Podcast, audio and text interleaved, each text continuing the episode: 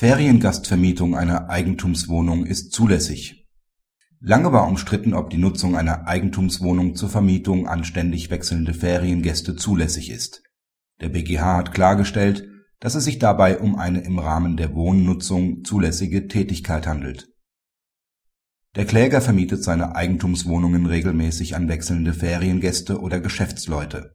Die beklagten Wohnungseigentümer fühlen sich gestört und beschließen weil sie dies auch für eine mit der Gemeinschaftsordnung unvereinbare Wohnnutzung halten, dass dem Kläger die entsprechende Nutzung untersagt wird.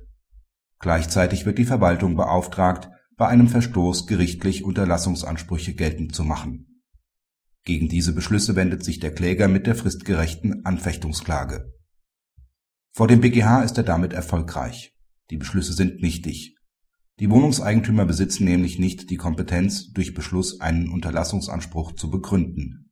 Zudem ist die Nutzung in der streitigen Form auch nicht zu beanstanden.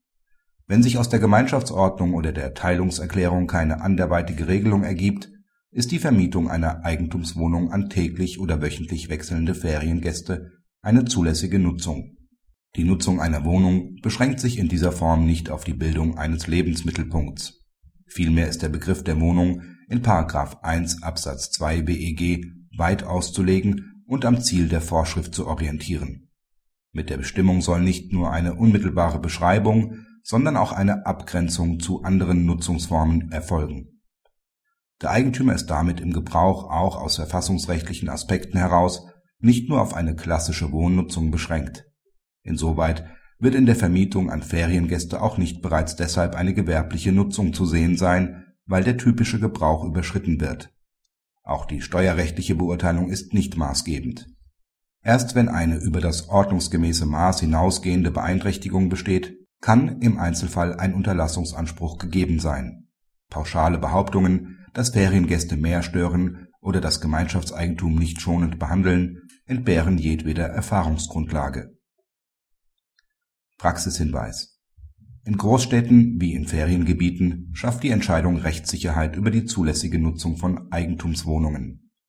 Neben der materiellen Frage musste der BGH auch noch zu einem verfahrensrechtlichen Problem Stellung nehmen. Da der Beschluss in der Form gestaltet war, dass er nach seinem Wortlaut einen Unterlassungsanspruch hätte begründen können, schied dessen Qualifikation als bloße Vorbereitungshandlung für ein gerichtliches Vorgehen aus. Im Gegensatz zum Berufungsgericht ist der BGH der Ansicht, dass insoweit nicht offen gelassen werden darf, ob tatsächlich ein materieller Anspruch durch den Beschluss begründet werden konnte, weil dann nicht erkennbar ist, ob nur über die Ermächtigung des Verbandes oder aber auch über den materiellen Inhalt des Beschlusses eine Entscheidung getroffen worden ist